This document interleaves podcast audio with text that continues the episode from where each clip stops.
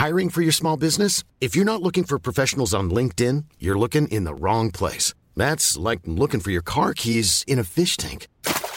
LinkedIn helps you hire professionals you can't find anywhere else, even those who aren't actively searching for a new job but might be open to the perfect role. In a given month, over 70% of LinkedIn users don't even visit other leading job sites. So start looking in the right place. With LinkedIn, you can hire professionals like a professional. Post your free job on linkedin.com slash people today. Hey, it's Danny Pellegrino from Everything Iconic. Ready to upgrade your style game without blowing your budget? Check out Quince. They've got all the good stuff, shirts and polos, activewear, and fine leather goods, all at 50 to 80% less than other high-end brands. And the best part? They're all about safe, ethical, and responsible manufacturing. Get that luxury vibe without the luxury price tag. Hit up quince.com slash upgrade for free shipping and 365-day returns on your next order. That's quince.com slash upgrade. Ja, du får synka annars nu när vi pratar mellan varandra. Ja. Svara snabbt på det här. Jaha, jag väntade på frågan. Sorry. det var som en jättedelay. Det här var inget delay Fabian i redigeringen. Det här var bara jag som var dum i huvudet. Okej.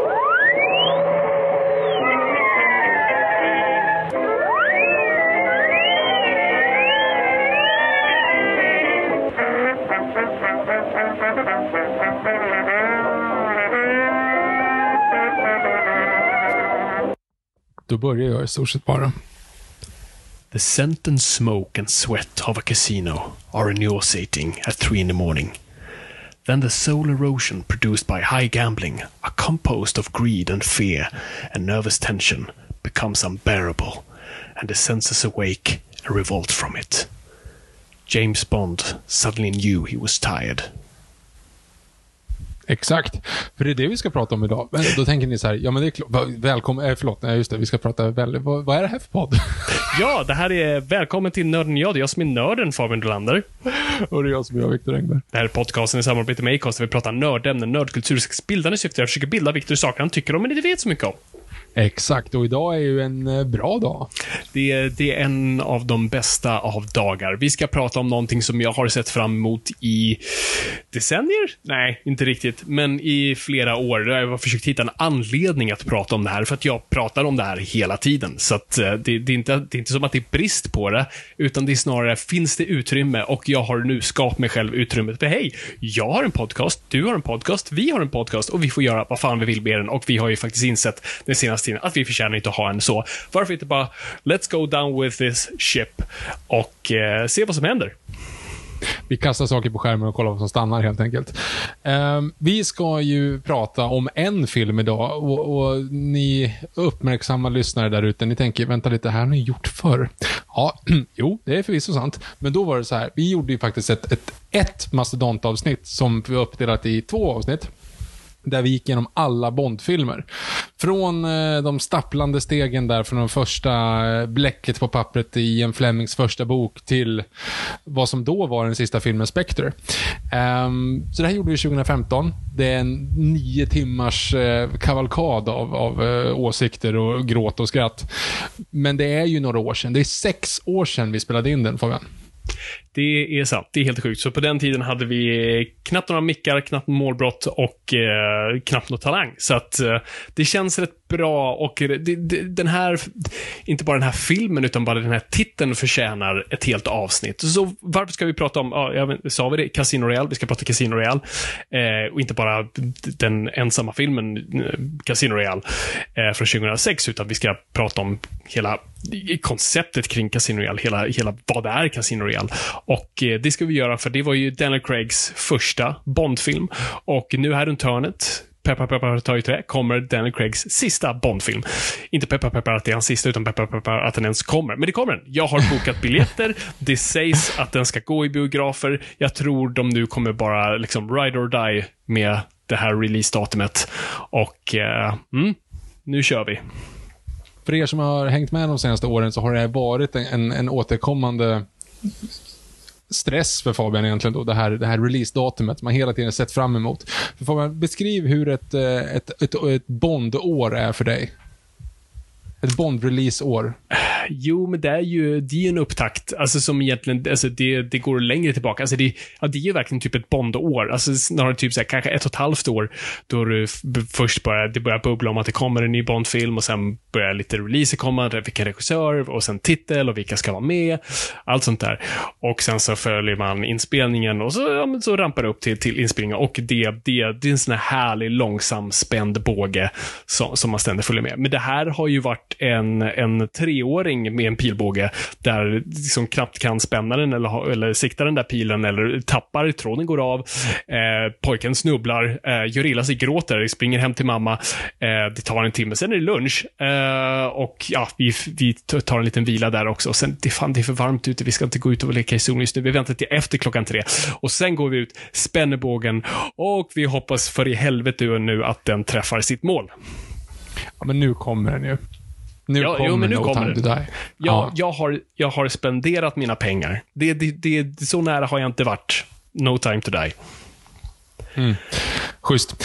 Men så här, vi har ju också dessutom gjort ett avsnitt tidigare där vi pratar om de sista Bond-filmerna för alla Bond-skådisar. Det har vi också gjort. Så vi ska egentligen inte gå in på det, utan jag måste bara lämna över allting egentligen här till dig Fabian, för det är ju ditt initiativ att vi gör det här. Varför ska vi prata om den här filmen? Oh, du, du, du vänder på det direkt. Det, det, äh, ja, du, du, du ska få svara också. Nej, men eh, varför Casino Royale? Oj, jo, alltså det vill säga för att jag pratar om den hela tiden.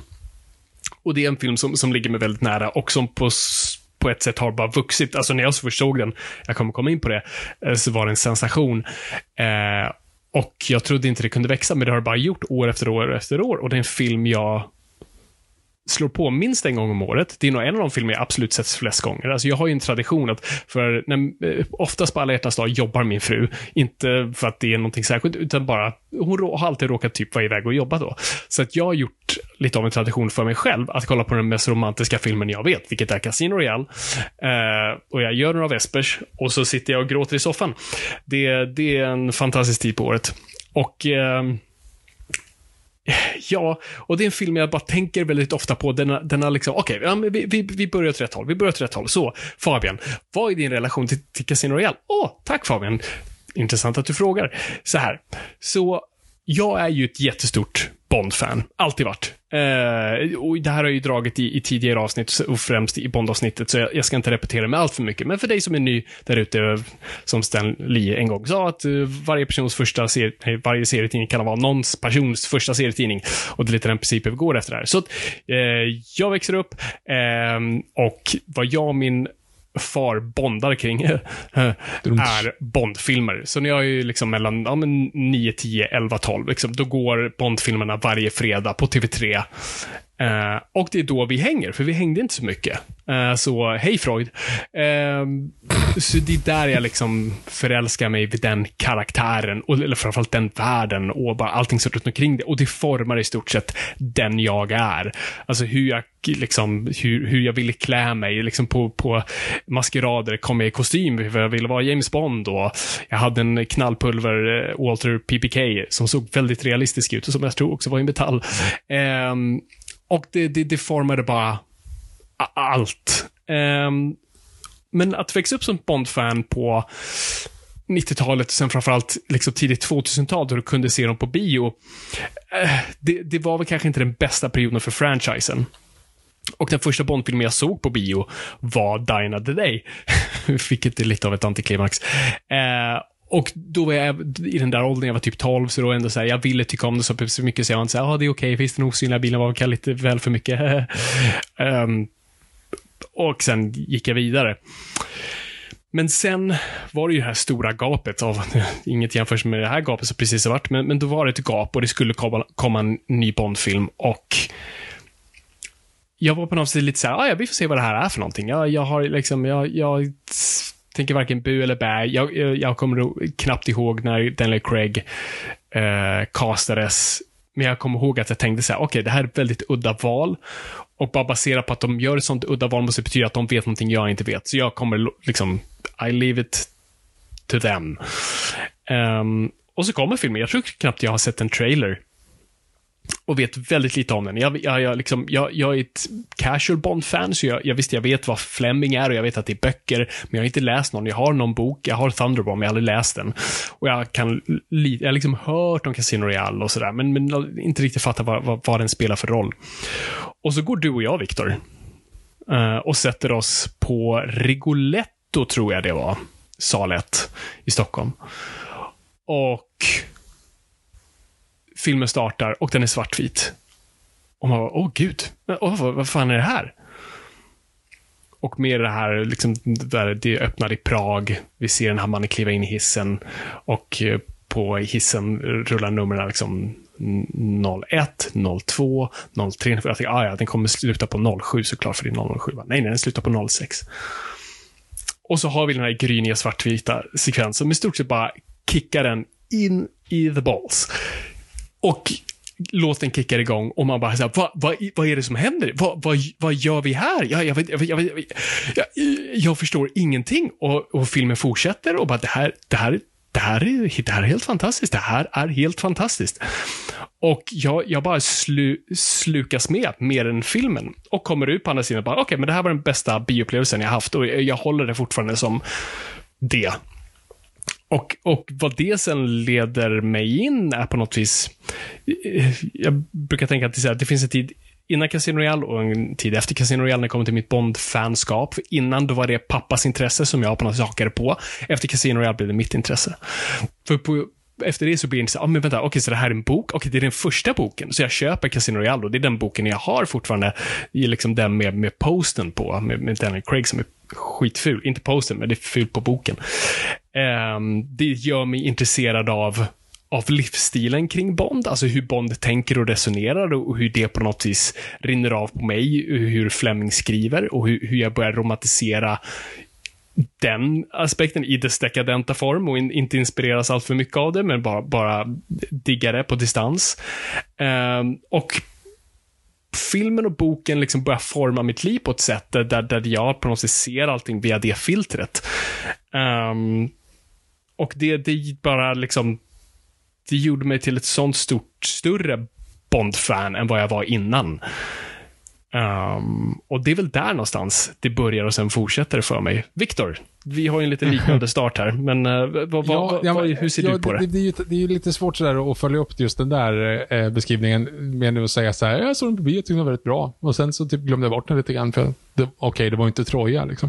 Um, alltså, fredagar, TV3, Eh, tillsammans med en, sin far oftast, liksom, och satt och kollade på Bondfilmer. Det var ju liksom lite heligt. Eh, om man kommer ihåg reklamfilmerna som gick. Vilka reklamfilmer gick, Fabian? Ja, alltså de, de jag minns är ju Uh, when you're in the world, world, world. Okej, okay, jag ska inte gå upp. Det var mm. någon resor. Uh, Exakt, fritidsresor. fritidsresor. Den tänkte jag också på och sen Schweppes, Just a little more bite. Jag vet inte varför eh, Leoparden blev eh, Sean Connery, men... Eh... Jag vet inte heller. Nej, men det, det, faktiskt, det är de två jag tänker på också. Eh, det är lite kul. Um, jo, det är för övrigt ett jävla rabbit hole om man råkar komma in på så här reklamblock, eh, TV4, 1998. Så, här. Ja, så det är bara nostalgireklamer. Det är jättenördigt, men, men det är ett slippery slope, slippery slope.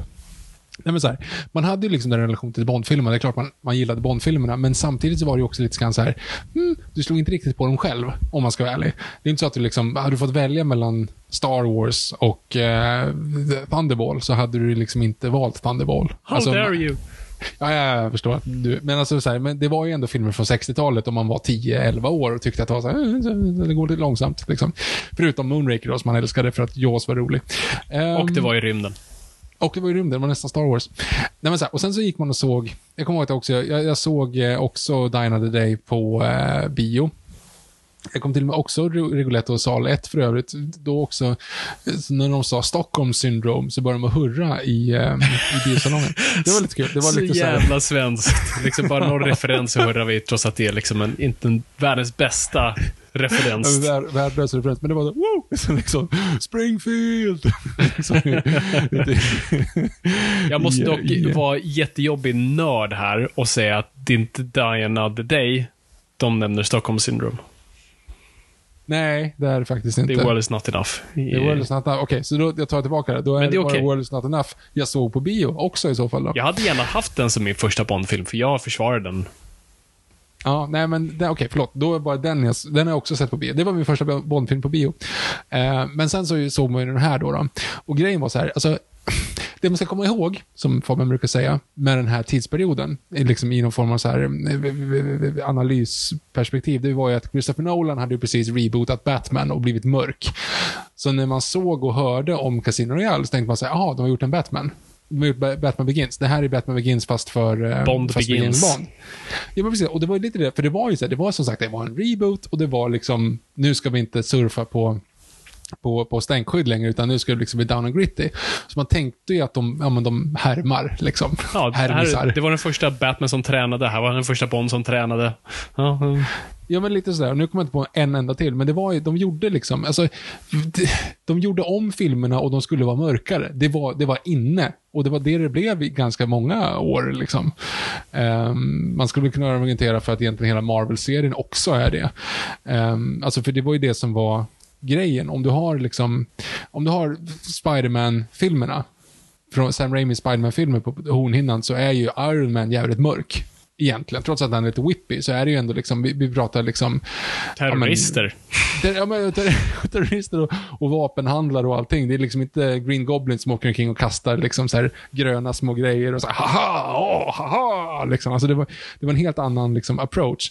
Och det skulle man väl också kunna egentligen härleda. Nu får du stanna mig, du som har pluggat film. Jag har ju bara marknadsföring och dinosauriekunskap. Um, det går ju att härleda den här perioden till ett stort vakuum. Eller en dark age. Jag satt med en, en kompis här för några dagar sedan och bara funderade på vilket, vilken pissperiod tidigt 2000-tal var. Eh, och det går att härleda till väldigt många olika saker, men 9-11 såklart gjorde ju att, för det första blev ju folk, alltså världen gick in i en annan typ av, av mentalitet. Det kan också vara, ska brasklappa återigen, att eh, man själv var 11 år och att man helt plötsligt börjar fatta vad som händer i världen. Helt plötsligt börjar man fatta att det finns ondska, att det, att det, fin, alltså det finns någonting som heter terrorister. Annars hade man bara sett det på Counter-Strike, inte för man själv spelade Counter-Strike, men jag hade stått och kollat på andra som spelade Counter-Strike. Det var bara coola killar som hette Max och Robin eh, som, som spelade Counter-Strike. Men, eh, men i övrigt så börjar man inse att okej, men världen... Världen blev större. liksom världen är farlig också. Alltså, att man, man var ute och flög efter det, så var det liksom så här... Ja, men just det, vi måste säkerhetskontroller. Det här är på grund av 11 september. Alltså någonting händer någonstans och nu måste vi ta konsekvenserna av det för att nu, liksom, nu, nu litar vi inte på varandra längre. Alltså det var ju så helt apart. Det är klart att det fanns katastroffilmer innan. Alltså Titanic, jag var ju livrädd för båtar under hela min uppväxt och fortfarande rädd eh, för att ligga i vatten bredvid en, en stor båt och är fortfarande lite så här osäker vid mörka vatten. Um, som, det är inte Ken Ring som kör Akta dig för eh, så mörka vatten, skitsamma. Ehm, I alla fall, jo men och, och, så det var en grej, men det var ju så abstrakt. Det var ju någonting som hade hänt för 86 år sedan, alltså när den kom. Det var ju så här, en gång i tiden, för 100 år sedan, så, så var det liksom en båt som sjönk och det var tragiskt. Men nu är det liksom, nu är nu, är nu på, det, på en helt annat sätt. Ehm, Vi ska ju också datera den här podden lite extra och säga att vi spelar in det här inte långt efter 20 år- 20-årsjubileumet av 11 september. Så det, liksom- det ligger väldigt nära i luften just nu. Och, och det, ja, exakt. Och då blir det så här, det var ju någonting, och det satte ju ett avtryck såklart i världen, men även på kulturen. För det blev ju lite kulturskymning. Alltså, Fabian, säg en bra låt som har fastnat hos dig, skriven mellan 2000 och 2005. Go! Tar Gud mitt American Express. Inte GES, allt annat. 20, så här, jag var ju gubbe redan då också, jag gillar inte musiken. Så att, ah, nej, alltså jag är också verkligen fel person att fråga. Men, eh, Jo, men det, jag vill bara säga, det, det här är ju jättereliant, men det är ju lite så här boyband-eran. Visst, Eminem slog igenom och var liksom bra. Kent gjorde väl ändå, de gjorde ju sina liksom vapen och ammunition, men det är ju långt innan tillbaka till samtiden när de blev grymma. Eh, Håkan Hellström gjorde sina första stapplande steg, men annars, vi har, det händer ju ingenting då. Alltså, filmer man, man tänker på, det, det finns en, en weird kategori av thrillers eller actionfilmer som bara blåste upp och försvann. Jag tänker på Some of All Fears. Kommer du ihåg Some of All Fears, till exempel? ja, absolut. Det var ju verkligen en sån här bästa filmvalet. Ja, exakt. En, DVD, en DVD-film i, i rätta bemärkelsen. Den ska ligga där och så ska man säga, oh, Morgan Freeman. Och så tar man den och sen så hyr man den och så glömmer man bort den en vecka senare. Den, eh, We Were Soldiers, lite samma grej. Eh, Spy Game, eh, mm. också typ en sån. Alltså, det, det, kom upp, det kom liksom lite filmer som det, jag förstår att inte tesen är helt vattentät, men det var, det var någonting konstigt under den perioden. Och jag vet inte om det är, alltså i min värld så ändrades det efter Casino Real. Inte per definition med Casino Real, men efter det började saker hända. Och det kan ha varit en en, en, egen uppväxt eller något sånt där. Men, men helt plötsligt bara så här, då försökte folk. Då kom Marvel, inte för att det var en men, men då började folk liksom, det hände någonting annat i, i världen, i kulturen. Um, Ja, du, ja, men det, det, det ligger absolut någonting men... i, i det och jag, jag, jag, tenderar verkligen att hålla med och, och, vi har ju snuddat på, så, på det innan just liksom kulturen innan versus efter 11 september. För man ska komma ihåg att just det 90-talet var ju den här, alla förskönar ju sin egen barndom, eh, kolla på Spielberg och Stephen King. Alltså det var, allting var bäst när man var liten. Men, men 90-talet var på något vis en sån där Alltså lite som jag kan tänka mig just 50-talet var, alltså en efterkrigstid. Alltså det var efter kalla kriget, det var nu snart 50 år sedan andra världskriget. Det var nu som att världen trädde in i, i, i en ny fas av fred och hopp. Mm, om, du inte bodde, om du inte bodde på Balkan eller, eller Kosovo förvisso. Ja, nej, men vi eh, pratar västvärlden ja. nu. Det, det har alltid funnits sämsta ställen att bo på och de finns kvar. Eh, så, så vi pratar i, i ett verkligen västligt popkulturell, popkulturellt perspektiv.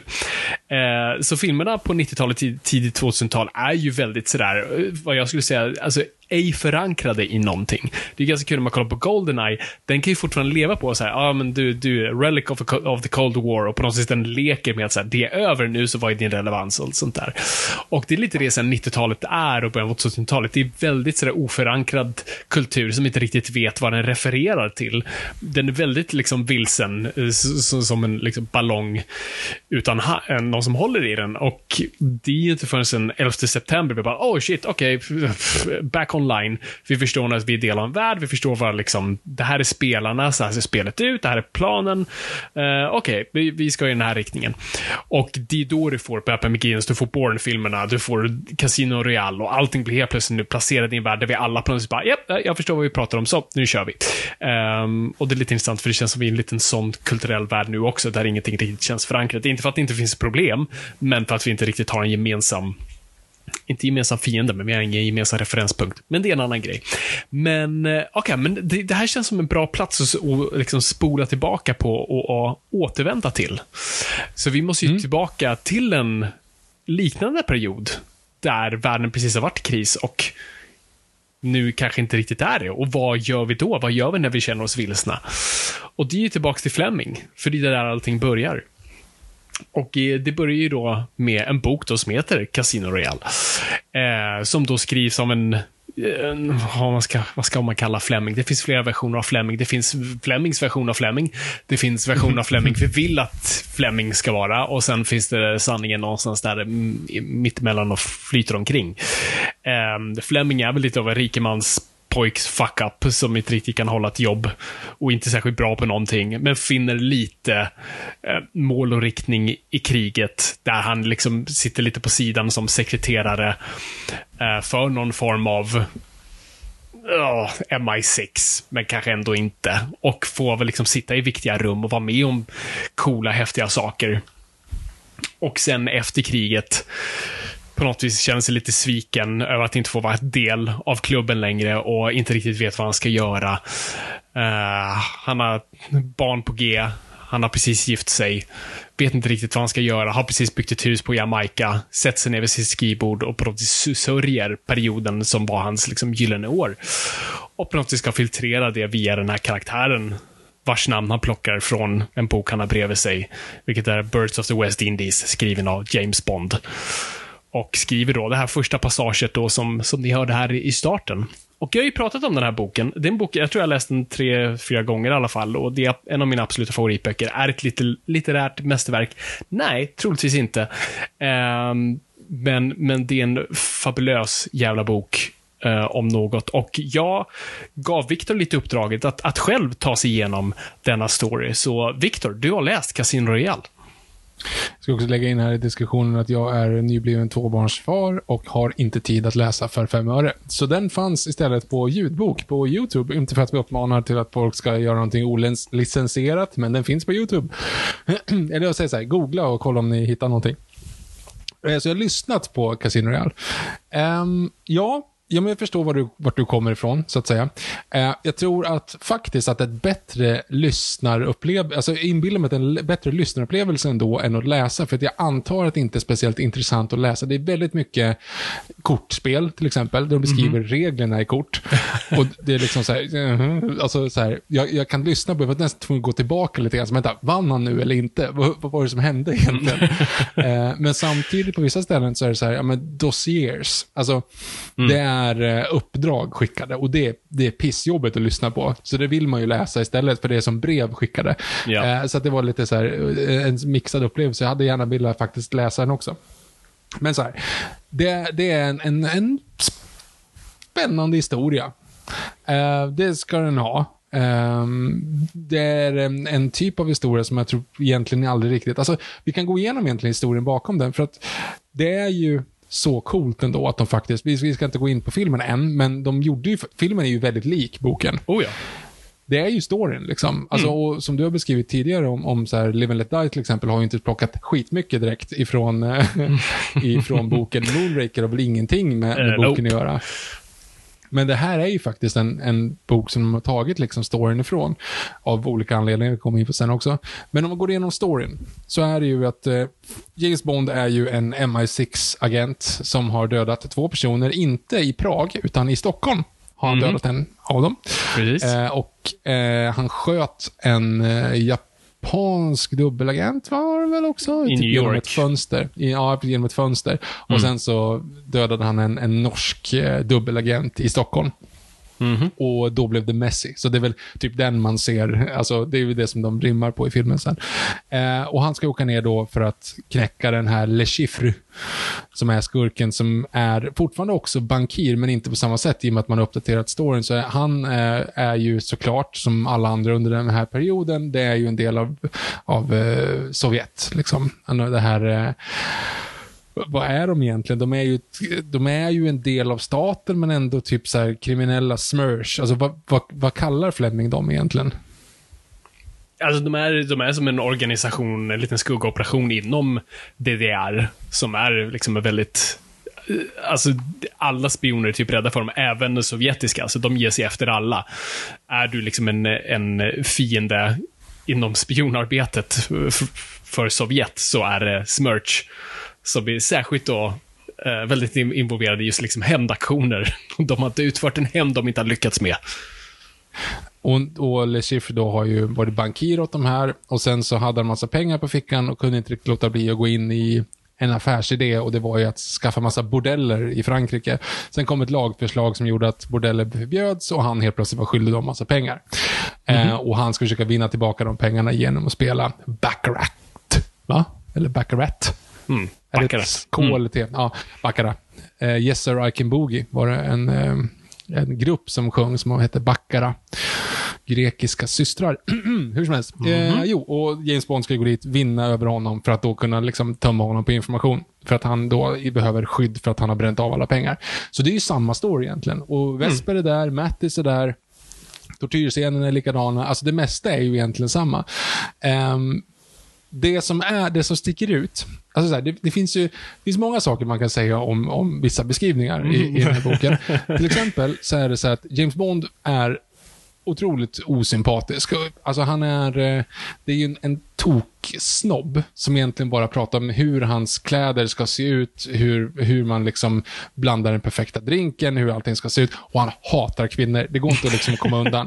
Det är då, så många gånger, när, när liksom Vesper kommer in första gången i handlingen, så är det verkligen så här, det är en passage i boken där han bara så här, åh, a woman. Alltså, vad gör du här? Varför är inte du hemma i köket bland kastrullerna? Det är på den nivån. Liksom. Alltså, det, det, är liksom, det är inte så här, hmm, undrar hur han tänker här, utan man har James Bonds inre monolog där han liksom bara skäller på, på att de skickar en kvinna, för de har ingenting med någonting att göra. De är så känsliga och så, de, de kan liksom ingenting. Ehm, och då så skulle man väl kunna ta det för att det blir någon form av karaktärsutveckling för att han ändå typ blir kär i, då, i Vesper. Men Vesper är för övrigt ett våp i den här boken. Eh, det går inte ens att jämföra med Eva Greens. Alltså, för det första så är hon bara, hon är liksom inte där i, i de, såklart, man ska ju också ha, ha med att det här är också 70 år gammal kvinnosyn som vi pratar om. Liksom. Eh, men... man, ska, man skulle dock kunna säga att även Flemings kvinnosyn var förlegad redan då. jo, men, men ja, själv, självklart. Ja, men, alltså, men det är liksom, det, den, är, den är helt uppåt väggarna. Och det är, liksom en sån här, alltså just, det är en så schysst uppdatering de gjorde i filmen, där man ger den här karaktären mening. Hon har ingen mening i boken. Det enda Nej. meningen är att visa på att kvinnor är onda och förråder dig. Mm. Så fort du öppnar upp dig så kommer de att svika dig. Det är typ det det går ut på. Liksom. Eh, för hon är ju där som en assistent egentligen till honom. Och han bara skäller på att det är en kvinna och sen så förråder, sen blir de kära för att hon har yppiga bröst och sen så gör det likadant som i filmen. Hon förråder honom och sen så begår hon självmord genom att käka piller. Eh, det är hennes roll i, i boken. Liksom. Mm. Och sen så finns det några till sådana saker som, alltså, det är ju fortfarande, han är ju en, han är ju en, en produkt av imperialistisk britt vad heter det, Rule Britannia-grejen. Alltså så här kring, mm. kring eh, Jamaica. Till exempel så berättar han i han pratar om, om turtle fishers på Jamaica. Mm. I någon form av positiv bemärkelse. Det hade du blivit lynchad för idag. Alltså, tänk att liksom säga, ja, jag, jag dödar sköldpaddor, såna här leatherback-sköldpaddor, för att jag fiskar dem. Alltså, det, hade, det är ju liksom, det är paria idag. Det är som att, käka, det är som att äta panda. Alltså, det är liksom... Jo, alltså, vi förändrade hela sugrörsbranschen på grund av en viral video på en stackars sköldpadda som hade sugrör ja, i näsan. Men, men, han har en polare som fiskar sköldpaddor. Mm. det, det är mycket sånt. Och sen en annan sån som är väldigt en, en naiv spaning från, från min sida. Fan vad explicit rent sexuellt det var för 70 år sedan också. Alltså man går ju omkring i någon form av värld och tänker sig, ja men 70, alltså alla var ju jättepryda. Och då 70 år sedan, så de som var 20 då, de är ju liksom 90 idag. Kan du tänka dig 90-åringarna, de har ju de har inte varit liksom aktiva på det sättet. De, de har inte ens sett, i... sett sig själva nakna.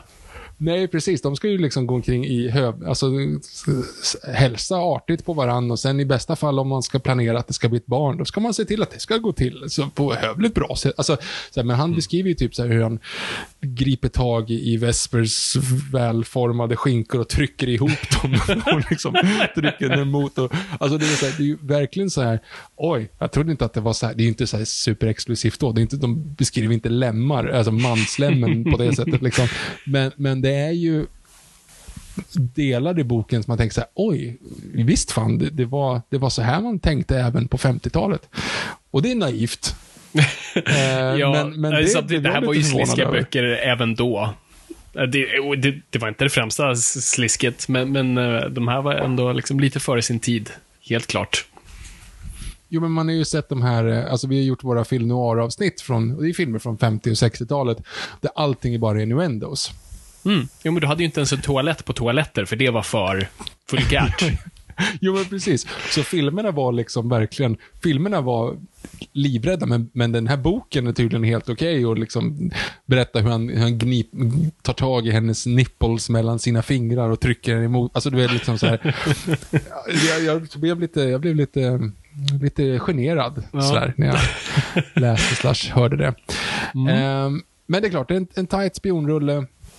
En tight spionbok. Um, men så här, jag ser ingenting av Sean Connerys. Nu förvisso ska man också säga att när Sean Connerys filmer började komma, då, hade det, då fanns det fler böcker ute. Det var inte bara den här som fanns då. Uh, men jag ser ju inte Sean Connery i det här heller. Jag ser inte Daniel Craig i den här karaktären. Alltså han är någonting helt annat. Han beskrivs, nu ska man inte beskriva han, hur hans yttre ser ut. Men han ska ju vara liksom eh, mörk i blicken och mörk i, håret med ett ärr över kinden. Och, alltså det, han beskrivs mer som en ragtag-person. Mm -hmm. Han, eh, jag vet inte, han ska ju vara ganska, relativt gammal, för det utspelar sig väl på 50-talet då antagligen Ja, det är då när, när den kommer. Ja, precis. Och han beskriver att han köpte sin Bentley där 1933 av någon person, eller vad det var, på 30-talet. Mm. Alltså, så han är ju, han är ju 40-årsåldern i alla fall. Ja, absolut. Uh, han är ju liksom, och han är inte svav. Han är liksom inte den här han är inte kvinnokarl på det sättet som Sean Connery är. Alltså lite så här charmig och, och snackar om kull, utan han är mer arg. Mm. Arg, bitter. Alltså han väldigt, väldigt, alltså på ett sätt väldigt tråkig person. Nu vet jag att jag kastar sten i glashus här när jag pratar om, om James Bond-karaktären i böckerna med dig. Men jag menar så här, du vill ju inte hänga med den här karaktären. Du vill ju egentligen nej, inte. Enda gången han på något sätt liksom så här, jag menar, jag menar inte hänga rent fysiskt, jag menar så här, alltså, jag är inte intresserad av att läsa nästa bok med den här karaktären, om man säger så. För att jag ser liksom inte riktigt charmen. Enda gången han liksom släpper på lite grann, det är ju efter, alltså han, efter han har blivit torterad, vilket tortyrscenen är mer eller mindre samma sak. Då sitter ju han och Mathis och pratar om gott och ont. Mm -hmm. eh, I en period där gott och ont kanske inte riktigt finns längre. Mm. Eh, alltså hur, hur Le Chiffre är skurken i den här historien, men samtidigt skulle du kunna vända på det och se Bond som skurken i, i hans, i Le Chiffres historia. Mm. Och där har du ju liksom någon form av, så här, ja men där har du någon reflektion, men, men i övrigt så verkar han bara han verkar lite bitchy. Alltså, och samma sak, han beskriver också, det är, det är en ganska konstig passage när han beskriver sitt natt, äh, äh, nattlinne. Hur han liksom alltid sov naken.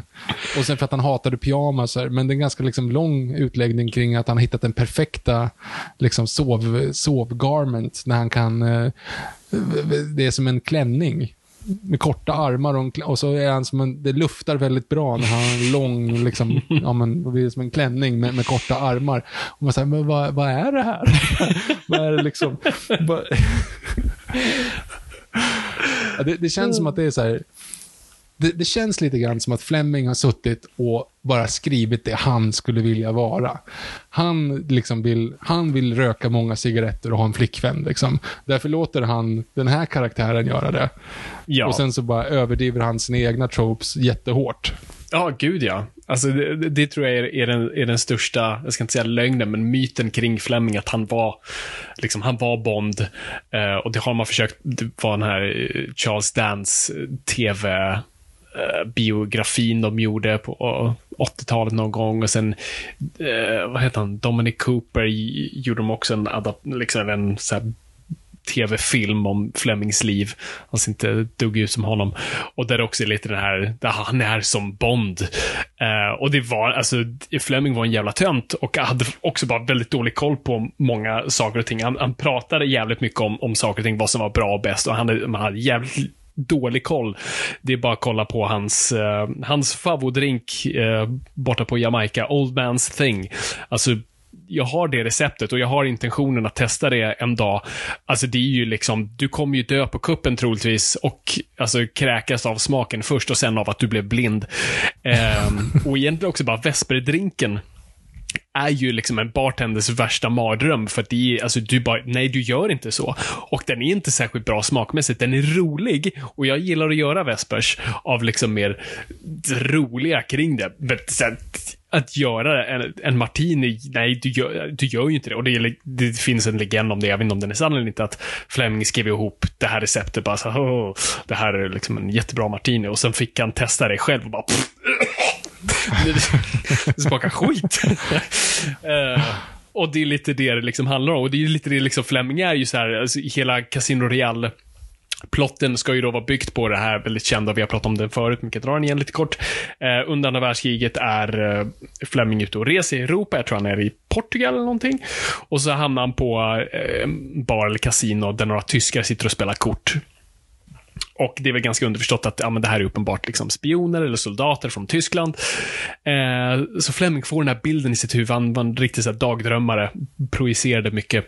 Så ja, men vad skulle hända om jag sätter mig ner och så spelar jag dem under bordet? Liksom. Jag bara totalt tömmer dem på deras cash. Eh, för det är ju troligtvis ur statskassan. Så han sätter sig vid bordet, väldigt hövligt, med de här två tyskarna, börjar spela. Eh, han förlorar. Fuck! Eh, okej, okay, han kör en runda till. Han förlorar den också. Uh, kör en tredje runda, tredje gången Nej, han, nu är han uttömd. Så det gick åt helvete. Och det var liksom, det var den storyn. Och där föds så hela Casino Royale-plotten. Uh, och där ser vi då hur det egentligen borde ha gått. så det ser vi ju definitivt. Alltså jag, jag tror Uh, det, det, var definitivt projicering från Fleming och absolut Bond har många av Flemings, framförallt tror jag, tankar och syn på världen.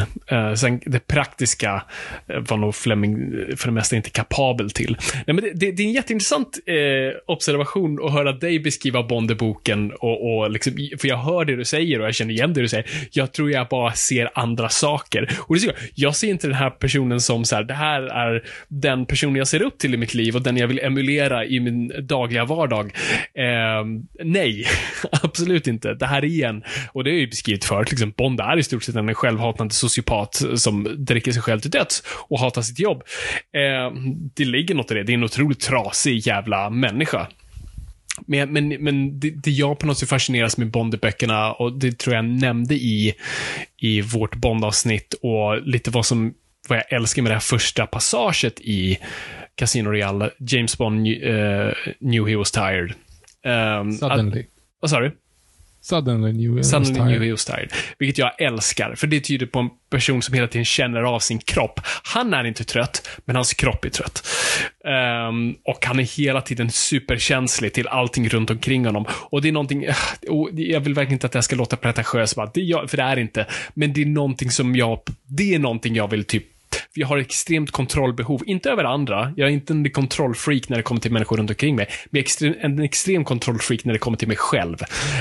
Um, och sakerna jag har runt omkring mig. Jag vill också bara använda mig av, liksom, jag vet exakt vad det här är för någonting och det behöver inte vara det bästa i världen, men jag vill, ha, jag vill veta vad det är och jag vill ha koll på det. Och det kan jag se mycket Bond och det på något vis tog jag mycket inspiration ifrån. Bara just det, det, du kan faktiskt vara så här och det, det är okej okay att vara i kontroll över din över din kropp och uh, den, den, det lilla universumet runt omkring dig. Uh, det på något sätt connectar jag med väldigt mycket. Och uh, och sen bara gillar det. Alltså jag tycker också Bond är roligt. Alltså, jag tycker genuint det är roligt ibland att läsa Bond. Just för att det är så absurt ibland. Alltså lite det du är inne på, de här grejerna. Alltså, att man faktiskt sitter och typ skrattar. Alltså det finns ett, jag tror det är Moonraker, där han beskriver eh, eh, någon av brudarna i den filmen och liksom det han säger efter att han har beskrivit hennes bröst mm! är mm! Utropstecken. och de där små absurda grejerna som man sitter och bara småflinar åt. Så det, det är något lite pojkaktigt i en också, så, så, som man finner fascinerande i det. Um, och, och, så det är alltid svårt att säga så här, jag gillar, jag, jag gillar böckerna för jag gillar James Bond-karaktären. Det är inte att jag håller med James Bond-karaktären eller godkänner det han gör, utan jag på något vis fin, det, det för mig är det underhållning. Ja, men jag, alltså så här, bara för att klargöra, jag menar inte att jag inte vill hänga med honom som en polare. Nej, jag nej, menar att, jag att, den här, att hänga med den här karaktären, då menar jag så här, ja men, okej, okay, Harry Potter är ett dåligt exempel, men så här, efter att ha läst första boken så vill man läsa nästa för att veta vad som händer. Det är kanske inte på grund av Harry Potter, men det är på grund av hela loren runt omkring. Men jag känner bara så här, okej, okay, I'm done. Alltså, efter liksom, Casino Royale, det var så här, ja, det är inte så att jag måste verkligen plocka upp Moonraker nu liksom. Nej, Nej det, det, är verkligen en smaksak. Alltså, det, är inte, det är inte böcker för alla. Jag, jag tror det är en viss klientell den dras till. Uh, och det, det, är en klientell jag relaterar till väldigt mycket. Och uh, ja, Nej, men jag, jag, är bara jätteglad att du, du ens tog på dig att göra det här. Och uh, Ja, men nu, nu, vet du i alla fall. Och som du säger, alltså, hur, hur jävla trogen faktiskt filmen sen Casino Royale är. Vilket är väldigt fascinerande. Vi, vi, måste in på det också, för vi har ju gjort um, en, en, en uh, klocktornsbroder till vårt Bond-avsnitt, där vi satte oss ner och kollade alla Beck-filmer. Vi mm. gjorde en mastodont-avsnitt uh, om, om Beck också. Och det, det vi kom fram till där, det var ju hur för vi det här vidare? Det här håller inte längre. Liksom. Hur, hur, hur för man vidare Beck-franchisen? Och där var ju svaret, gå till böckerna. Mm. Vi gjorde ju någon form av slut, ja, det är spoilers på vårt avsnitt då, men det vi kommer fram till är ju liksom, men vad fan, ni har ju böcker. Ni har ju allting att gå tillbaka till. Mannen på taket är en av de bästa svenska filmer som har gjorts och den är typ mer eller mindre rakt tagen ur sidorna. Mm. Ni har ju liksom hur mycket grejer som helst att plocka av. Alltså, det är där någonstans som man ändå skulle vilja säga så här att, ja men gör det. Gör samma sak. Gör en Casino Royale. Gör liksom, gå tillbaka till vad Beck är i böckerna. Um, för jag menar, du, och då menar jag inte, för Bond är inte Bond. Daniel Craig är inte vad James Bond är i böckerna. Men däremot så tar man plotten och tar tropesen, men uppdaterar det. Och liksom skruvar fram klockan 50 år så funkar det ju faktiskt väldigt bra. Det vill mm. säga, alltså istället för, det tar ju, det tar ju typ, jag vet inte hur lång tid tar det innan de sätter sig vid bordet i, eh, i boken? Sju kapitel. Ja, något sånt där. Och han är ju Ja, redan lång- där när boken Jo, öppnar. precis. Ja, du du, flashback. träffar, du, du träffar men, honom, ja, du träffar honom liksom i, på Casino Royale. Mm. Men, men grejen är att i filmen, då har du ju liksom, du har ju så många grejer som leder upp till det där. Och det är ju liksom, det är smart inplacerat. Det är, det är ju exakt hur man inte, alltså kolla, på ska Mom deserves the best, and there's no better place to shop for Mother's Day than Whole Foods Market. They're your destination for unbeatable savings, from premium gifts to show-stopping flowers and irresistible desserts. Start by saving 33% with Prime on all body care and candles. Then get a 15-stem bunch of tulips for just $9.99 each with Prime. Round out Mom's menu with festive rosé, irresistible berry chantilly cake, and more special treats. Come celebrate Mother's Day at Whole Foods Market. There's never been a faster or easier way to start your weight loss journey than with PlushCare. PlushCare accepts most insurance plans and gives you online access to board-certified physicians who can prescribe FDA-approved weight loss medications like Wigovi and Zepbound for those who qualify. Take charge of your health and speak with a board-certified physician about a weight loss plan that's right for you. Get started today at plushcare.com slash weight loss. That's plushcare.com slash weight loss. plushcare.com slash weight loss. Hey there, it's Michelle Norris. I'm host of a podcast called Your Mama's Kitchen. When I travel, I'm usually looking for a way to find a taste of home when I'm not at home. And one of the things I love to do when I am at home is entertain. And Airbnb allows me to do that. When I was in California recently, I rented a house that had a great kitchen. And when we were sitting around the table, we were all thinking, we're in someone else's house. Someone could be in all of our homes as well. If you have a home, but you're not always at home, you have an Airbnb. Your home might be worth more than you think. Find out how much at airbnb.com/slash host. Hur man adapterar en bok till film, så är liksom Casino Royale är där uppe, om man säger rent Mhm. fiktivt, och eh, Killing Joke är längst ner. För där har du ju liksom så här, Mm, där väldigt tar de ju rakt av sidan, men, men fyller i saker som inte har med någonting att göra. Alltså du, du, du behöver, det behöver vi längre. Ja, men hur gör vi då? Ja, men vi gör en lång historia som mer eller mindre slutar på mitten, för att då måste han gå till Joker och då börjar Killing Joke. Mm. Alltså det, det finns ju ingen, ingen logik i varför varför den epitetet kommer innan i The Killing Joke-filmen då. Eh, den Mm, Väldigt bra filmen. Mm. Eh, men här så är det så här, okej, Le Chiffre har spelat bort pengar. Vilka pengar? Ja, då ser man hur han, vilka pengar det är. Och hur gjorde han? Ja, men bordeller, ja, men det är kanske inte så modernt. Vi hittar på en modernare, ja men stock market. Och det här är också, det ska man komma ihåg barn, två år innan stora börskraschen, eller tre. Så att det var ju liksom, alla var ju på marknaden, alla var ju på, på aktiemarknaden. Och det är inte helt otänkbart att man börjar blanka, blanka aktier. Nej, så och det hände ju. Alltså, det, är ju. Det är ju faktiskt sant, det M pratar om i den filmen, att det var några skumma aktier där som blankades strax innan 11 september. Och där blir det ju liksom en sån här, det, det är ju en, en, vad ska man säga, det blir ju liksom en, det är så du tar den i modern tid och det är så du förlänger en film. Du lägger in, där, där fanns det en liten lucka, bra, den utvecklar vi. Och där fanns en liten grej, det utvecklar vi. Här har vi en kvinnlig karaktär som är värdelös. Hur gör vi henne? Ja, men vi gör henne bra istället. Ja, det var bättre. Alltså, det finns olika sätt att göra kring det här. Och sen så istället för att, den här scenen då till exempel, där han i, i filmen får bli förgiftad. Det är ju en ganska weird grej att det kommer fram en person med en pistol bakom honom och han typ ramlar bakåt Ja, han låtsas typ svimma. Väldigt liksom cinematiskt värdelöst. Um, som är skit, alltså den är den är ju liksom en ganska konstig grej. Det hade ju inte gjort sig bra på film överhuvudtaget. Nej. Men då uppdaterar man den, liksom, den grejen. Allt annat är kvar, men den grejen tar vi. Och istället för att de åker och, och eh, ligger massa gånger på ett hotell så åker de runt på, eh, liksom, i Grekland och de båtsurfar och de, de är i Venedig. Alltså de så här, du förlänger ställen där det finns. Och det tycker jag är en väldigt bra, väldigt bra sätt att adaptera en bok. Så där, eh, eh, och nu Seymour, if you're listening, nu vet ni vad du ska göra med, med Beck. Det var Mm. Seymour, if you're listening. Victor har läst böckerna i alla fall. Jag kan göra det också. Så adapterar vi skiten. Det är inte svårare än så. Det är, det är lite kul, alltså tillbaka till det Beck-avsnittet. Alltså, det, det tyder ju väldigt mycket på vad jag går igång på. Alltså när du läste det kapitlet hur Gunvar börjar sin morgon med alla sorters marmelad. Alltså min Bondhjärna där igen började så här, började rysa och kittla och äh, allt det där. Så att, ähm, ja, det, jag vet inte vad det säger om mig. Men innan vi går in på 2006 Casino Royale, det finns ju faktiskt två Casino Royales innan. Just det. Så, så hur, vi, vi, vi drar det lite kort liksom, så vad är det som händer egentligen? Jo, så Casino Royale släpps, det, ändå är det liksom en, ja men en, en, inte en så här bästsäljare eh, i stor magnitud, men ändå en populär bok och, och cirkulerar.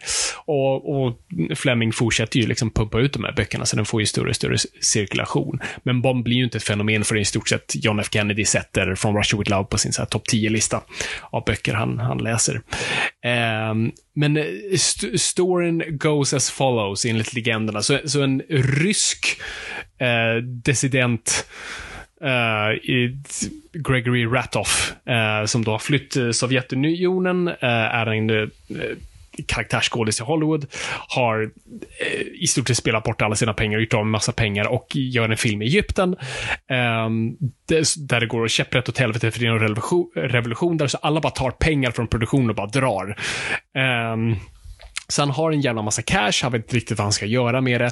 Så han, istället då vad många andra gjorde, var att man, jag tar pengarna och så köper jag typ guld eller diamanter. Men han förstod att, så nej men gör jag det, då kommer typ eh, diamantsnubben skvallra på mig, så då kommer han tjäna massa pengar på mig, och sen kommer jag ändå bli gripen på eh, flygplatsen och de kommer ta diamanterna ifrån mig. Nej, det kan jag inte göra. Så han sydde in då cashen i sin kostym. Och eh, tydligen då ska han då på flygplatsen i Kairo bett till Gud och sagt så här. Om jag klarar det här så kommer jag köpa rättigheterna till den första boken jag ser på, eller den första recensionen jag läser om en bok när jag kommer fram. Låter det för bra för att vara sant? Det eh, låter lite för bra för att vara sant. Ja. och det gör han då. Sen öppnar Time Magazine när han väl kommer fram till, till den flygplatsen han väljer sen landa i och där är en recension av Casino Royale. Så för 6 000 dollar så, så köper han rättigheterna från Fleming. Och Fleming har ju liksom eh, försökt vid den här tiden att få, liksom, få sina grejer gjorda. Han har skrivit lite små spec-stories och det har varit lite tankar och sånt där. Och bland annat då den här tv-adaptionen. Så det, nu, jag hoppar egentligen lite för långt fram. Så typ 1954-55 så fanns det eh, en eh, tv-program som var liksom Saturday Night, Saturday, Gandorp, Saturday Night Live, fast för typ thrillers. De spelades in live i studio framför publik ofta. Uh, och det hette Climax. Och det var spännande stories. Och uh, där mhm. då uh, adapterades um, Casino Royale, som jag tror de köpte de rättigheterna för typ 1000 dollar. Och där då Barry Nelson spelar James Bond. Undrar ni vem Barry Nelson är? Så han som äger hotellet, eller i alla fall han som Jack Nicholson går och pratar med i början på The Shining, det är vår första James Bond. Så nästa gång ni är med i eh, Vem vill bli miljonär och frågan kommer Vem är den första Bondskådisen? Då är svaret Barry Nelson. Precis. Um, så den görs och det är liksom en hastig, det är ju en adaption där verkligen utspelas under en kväll. Alltså den, visst, den har Le Chiffre, den har inte ens Vesper, de slår ihop uh, Vesper och Mathis. Så kvinnan heter Mathis. Um, och har du sett den här, Viktor? Nej. Nej, för det var lite roligt för att eh, den här storyn har också berättat med värd, värd att ta upp igen. Så när vi skulle göra vårt Bond-avsnitt så hade inte jag alla Bond-filmer. Jag hade många av dem, jag hade inte alla. Så jag tänkte så här, men nu kanske jag vill köpa den där attachéväskan som jag alltid velat ha. Eh, men den var inte i produktion längre, så att vi hittade den på eh, Tradera var det. Uh, och det var en kille som sålde den för, för, för en bra peng. Och uh, vi slog till och uh, skulle då gå och träffa den här killen. Och han bestämde platsen, det var en övergiven parkering någonstans, jag inte vet var. Och det var verkligen en tom parkeringsplats. När vi kommer dit så är det verkligen så här, vi kommer mörda så här. Och det är nästan lite så här, kommer vi behöva typ så här droppa pengarna i farten och plocka, liksom väskan kommer kastas in från en annan bil. Men den här killen dyker upp jättetrevlig och han säger så här, men, uh, och sen har jag en liten extra grej där, som en liten bonus, bara så du vet. Och jag bara, hmm? Okej, okay, vi har precis... Okej, okay, Viktor. Vi har precis transporterat Roger. Åh gud, vi kommer spärras in. Eh, så kommer jag hem och öppnar den där väskan. Och där i så ligger då, så där är det alla 21 Bondfilmer. Så det är från Dr. No till eh, Casino Royale på DVD. Eh, Minus då de inofficiella Bond-filmerna. Men där har han lagt i Casino Royale, alltså David Niven Casino Royale, som vi kommer komma in på. Och en DVD, bränd DVD, med massa små TV specials på. Bland annat Star Wars Holiday Special, som vi inte hade sett och som vi då kunde eh, sen använda i ett annat avsnitt. Och då den här Barry Nelson Casino Royale. Så bara, fan vad nice, då har jag den. Så tack du person ute i etern som bara av ingen anledning alls gav mig den bonusen.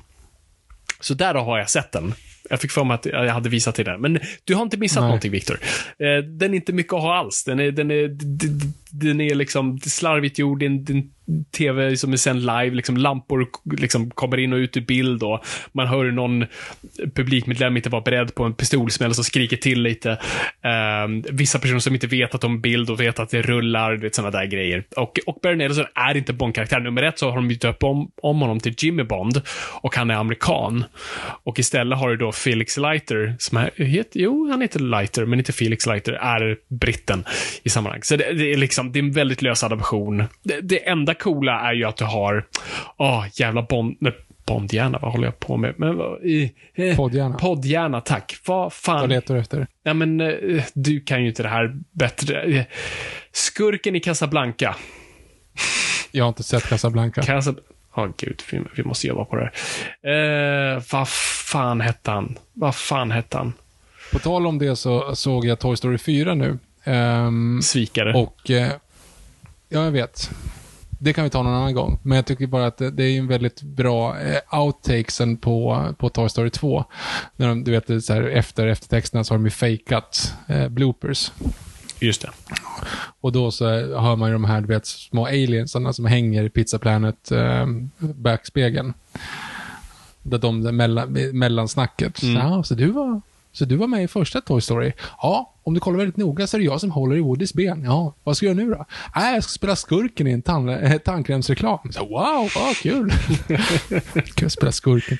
Tandkrämsreklam. Ungefär som att låta som skurken i Casablanca. Det, det var inte... Peter Lorre i alla fall. Peter Lorre heter Jaha, han ja. Den, den Ja. gamla skojaren. Precis, han är ju Maltese Falcon också. Så här, klassisk gammal äh, karaktärsskådis som, som verkligen kunde ha varit en bra Le Chiffre, eller han är hyfsat bra i den och hade kunnat vara en bra Bondskurk i, i de officiella filmerna.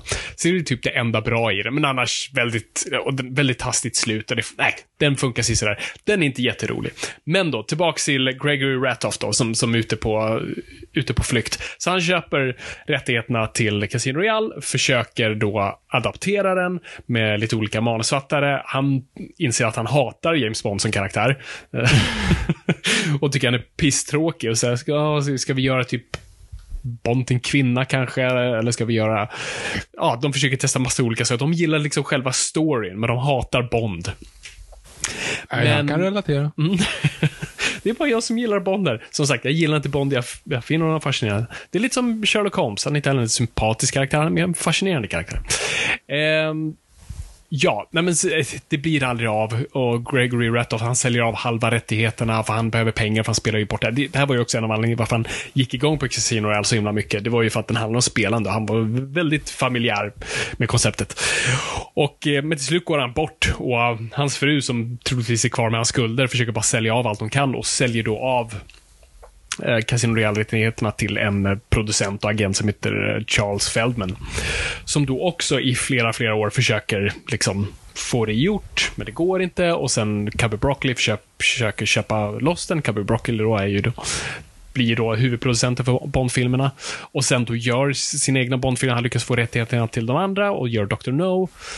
Och då är det ju massa så här fram och tillbaka när de här mm, Sean Connery-filmerna kommer. Att så här, ska vi göra parallell Bond-film som en liksom competition för de andra. Och där har vi också McClory, Storyn och Thunderbolt, allt det där vi har, vi har pratat om. Men, eh, Never say never. ja, va? Ja, precis. Never Exakt. Ja, again. exakt, Vad exakt. heter Eh, Vad hette Justin Bieber av uh, albumet? Hette inte det också Never say never? Jo, det var det. Eller jo, Ja. precis. Och sen kom filmer Never Stop, Never Stopping, eller vad fan heter den? Spoof-filmen. En väldigt bra titel. Jag vet inte. Ja, skitsamma. Eh, så. Vad man sen inser när, alltså Feldman har ju kastat så jävla mycket av sina egna pengar i det här dumda Casino Royale-projektet är att säga, ah, men fuck it, vi spoofar skiten istället. Vi, eller, vi, vi bara gör någonting av det, för att jag, jag orkar inte med det här. Och då inleds ju kaosprojektet som är Casino Real med David Niven, där det är alltså, hur många regissörer är det på den här? Det är alltså typ sex, sju regissörer, det är hur många manusförfattare som helst. Du har Peter Sellers, du har Orson Welles, du har David Niven, du har Ursula Andress. Alltså, en jävla grym cast. Uh, men ingen i den filmen gör samma film. Och det var en mörk kväll, höstkväll vill jag minnas, när du och jag såg den här filmen, Viktor. I, mm. i då, eh, vad ska vi säga, samverkan med eh, transylvansk sprit. Och det gick inget bra. Det är ju en av de absolut sämsta filmerna jag sett. Alltså garanterat en av de absolut sämsta filmerna jag har sett. Um, ska ge lite kudos till en lyssnare som heter um, Axel... Vad hette han? Järv, va? Han som skickade den till, eh, till oss då. Så jag har ju den på DVD. Alltså så här, nej men det, det är... Um, det, går, det går inte knappt ens att beskriva. Det finns ju, om ni vill lyssna på om vårt Bondavsnitt när vi pratar om det här, så, så för att vi går igenom för då var det också så pass färskt i minnet att, att man var liksom fortfarande arg. Nu är jag bara så här, jag vill aldrig, aldrig se den igen.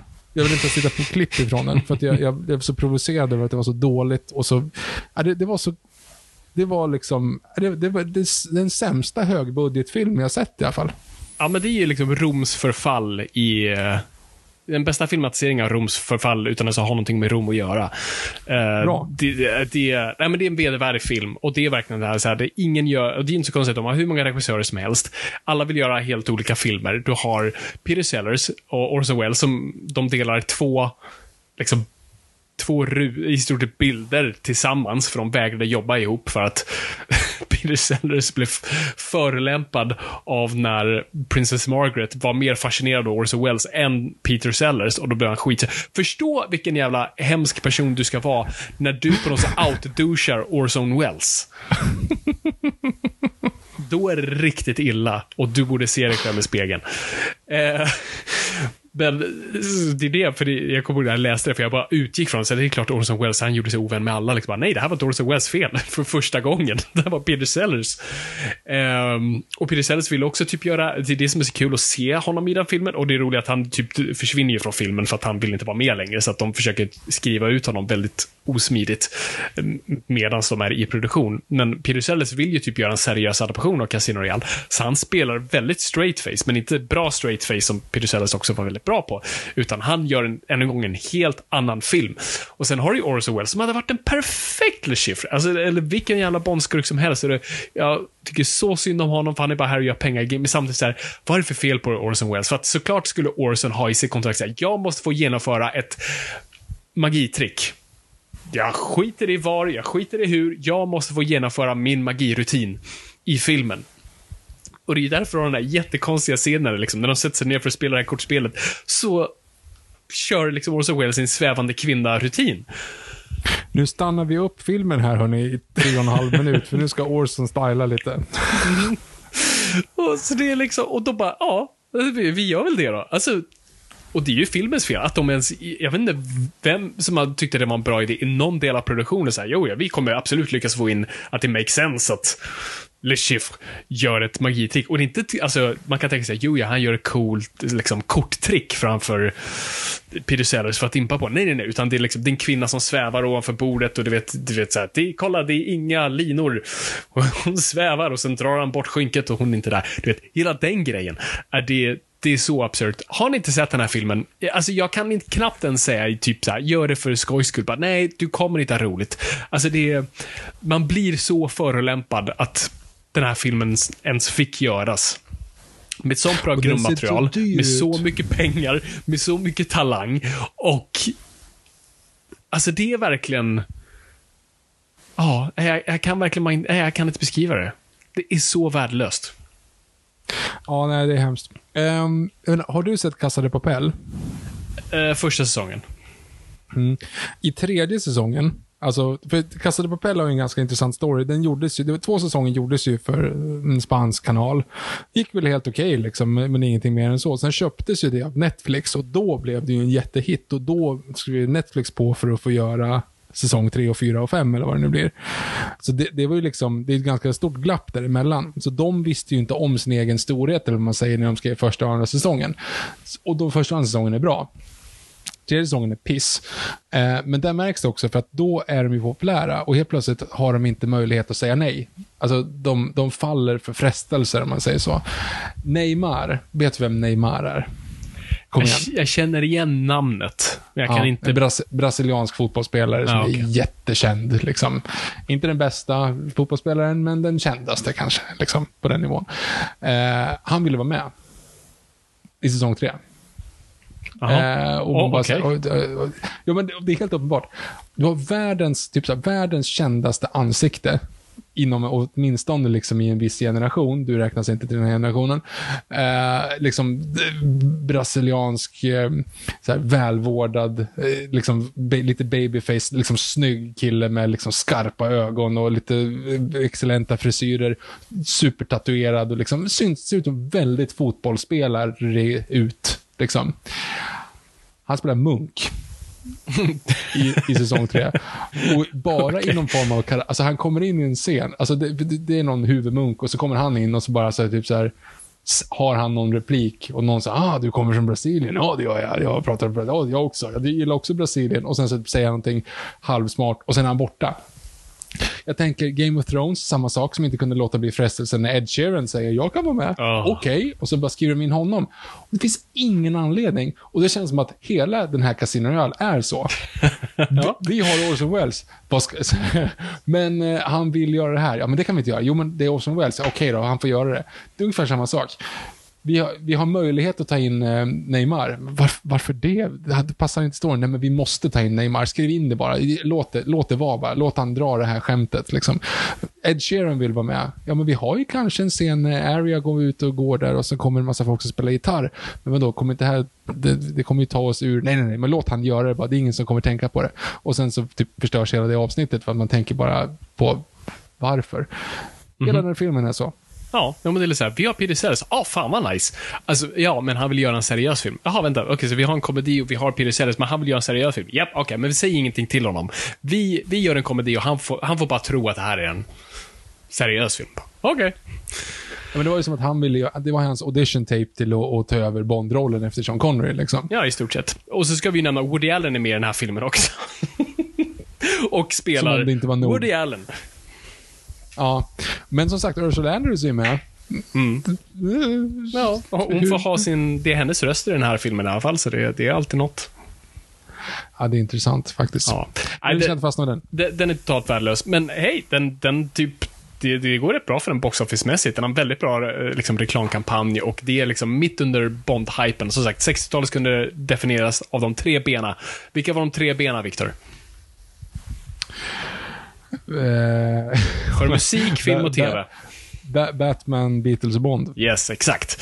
Så det här var ju mitt i Bond-mania. Och eh, det, det, det bara funkar. Den här väldigt ikoniska posen, posten på den här kvinnan som är naken bakifrån med liksom psykedelisk Ja, i psykedelisk form med två pistoler. Väldigt ikoniskt. Funkade väldigt bra.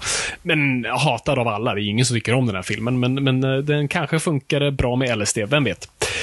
Men eh, det är ju där rättigheterna liksom sitter och Eon Productions då med Cubby Broccoli och Harry Saltzman, alltså de har ju sin Bond-franchise, de har de andra böckerna. Det finns ingen liksom hunger på att ha Casino Real. Och de har så många andra Nej, men- böcker att ta sig igenom. Ja, men och sen ska man också så lägga in att Casino Royale egentligen är ju en ganska dålig film att adaptera för film, eller dålig bok att adaptera för film. Boken i sig är väldigt ocinematisk. Alltså, om, alltså om, man, om man nu skulle titta på vart man är, om man har sett Thunderball till exempel. Och sen så läser man Casino Royale och bara så här, okej, ja, här kan vi skita i, det här behövs ju inte liksom. Alltså hur, hur ska du gå från Secret Volcano Lair till, nu ska vi spela kort lite spännande. Alltså jag förstår ju att de inte var så intresserade också. Jag, åtminstone då. Nej, precis. Jag, jag kan bara kasta in en liten, en liten bonusgrej här medan jag kommer ihåg det så jag inte glömmer bort det. För det, för det är ganska bra poäng du har där. För jag, lä, jag läste nu inför den här som jag köpte för jättelänge sedan, men som jag, nu liksom, jag ville läsa för det här avsnittet. Och det är ju eh, Casino Real som serietidning. Eh, som då var adapterad av eh, Van Jensen och illustrerad av Dennis Calero.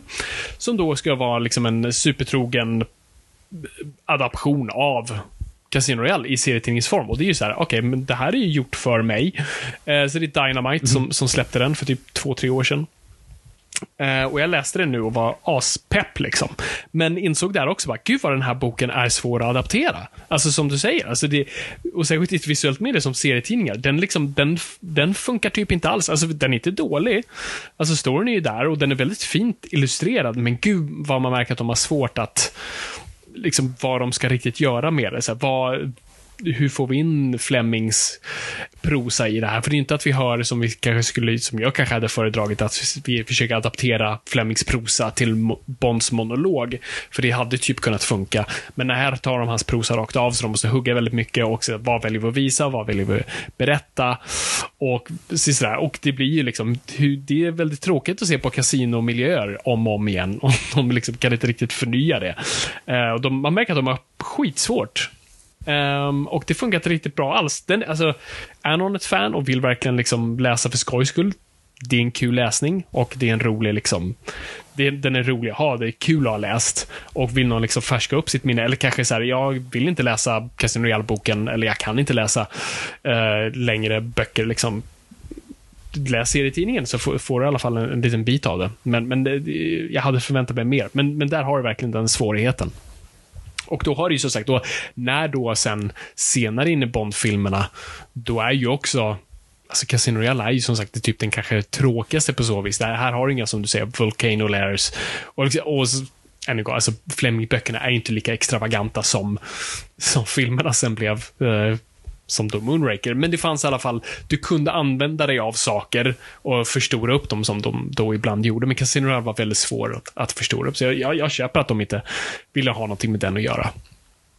Men sen då... Eller de behövde den inte i alla fall.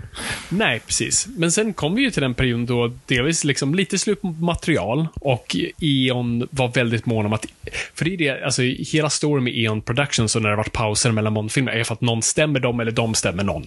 Och det är oftast för att någon vill göra en parallell Bond-film-franchise på sidan om det är Kevin McClory med Never Say Never eller någonting annat. Eller någon annan som då sitter på till exempel då Casino Real-rättigheterna. eller att Bond ska bli någon eh, public domain-grej. Ja, men du vet, det, det, det, är alltid någonting. Och nu handlar det mer om Eons Production, bara så här, kan vi bara ha alla våra ankor på rad. Så kan vi bara sitta på alla. Så de, så de här rättigheterna flyger fram och tillbaka. Till slut sitter Sony på dem och hotar med att göra sin filmfranchise, men då ja, stämmer i E.ON.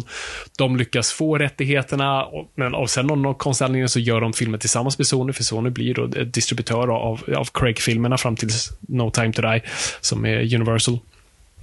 Um, och då är de ju liksom...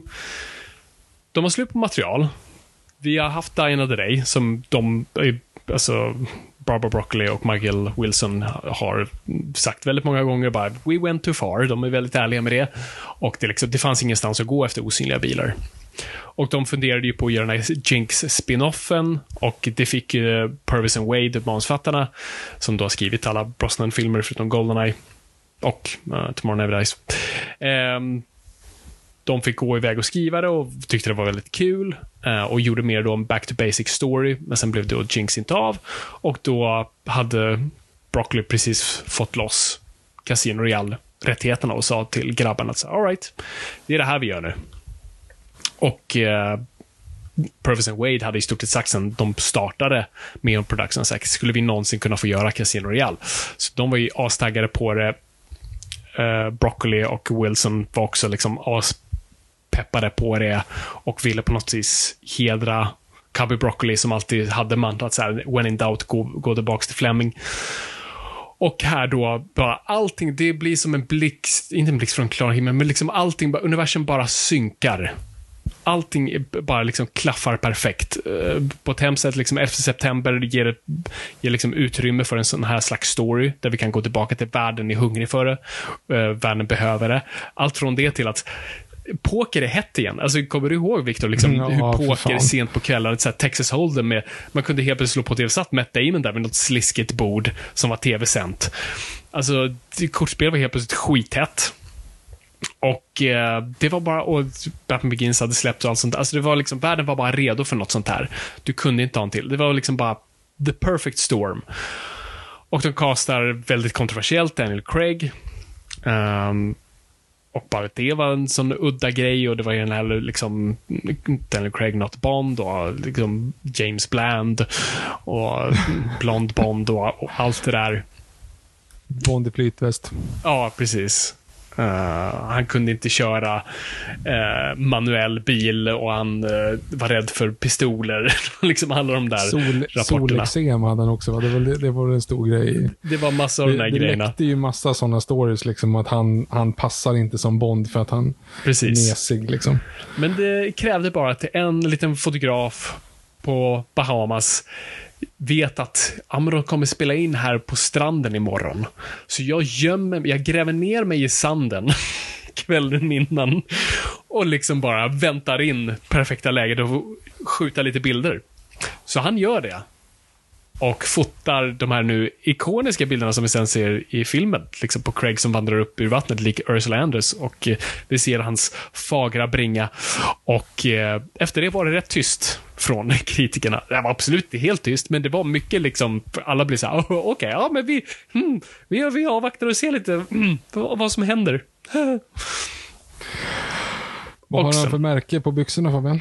Det vet jag faktiskt inte nu, ska jag vara riktigt ärlig. För det, jag trodde alltid att det var Sunspell. Det är inte, det är något annat. Jag har Jaha, ju okej. fått jättefina, ehm, vad ska man säga, replikas från dig. eh, Mm. som, som jag har, som jag, jag tar sällan ut dem. Men du Viktor, det har hänt något fantastiskt.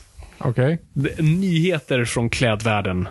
Åh, herregud. Ja, okej. Mm. Så alltså, det här har ju varit, i, i, i Bond-communityn har det funnits en så här helig graal. Liksom så här, det här plagget så här, vill vi alla ha och vi kan inte hitta det och man, man har försökt hitta liksom liknande saker och försökt göra replikas och allt sånt där. Och eh, jag ska säga, gissa klädesplagget, du kommer inte kunna gissa det. Jag, jag kom, Jag, jag hade ju, jag, hade, eller jag, jag förstår ju att det inte är den, i och med att det är en, en standard Tom Ford-grej, men jag skulle ju säga eh, väst, Tom Ford-västen har Spectre. Eh, väst, ja, eller menar Ja, du? eller, den, är, den har ju han, han har ju, nej han har ju som en, eh, en svart liksom, Ja, en- egentligen så är den långärmad, men den är som, vad sa du, heter det? En cardigan. Cardigan kanske heter. Yes. Nej, Den vet vi vad det är för någonting. Och jag har en svart cardigan. Inte Tom Fords, för den kostar typ 15 000 eller mer.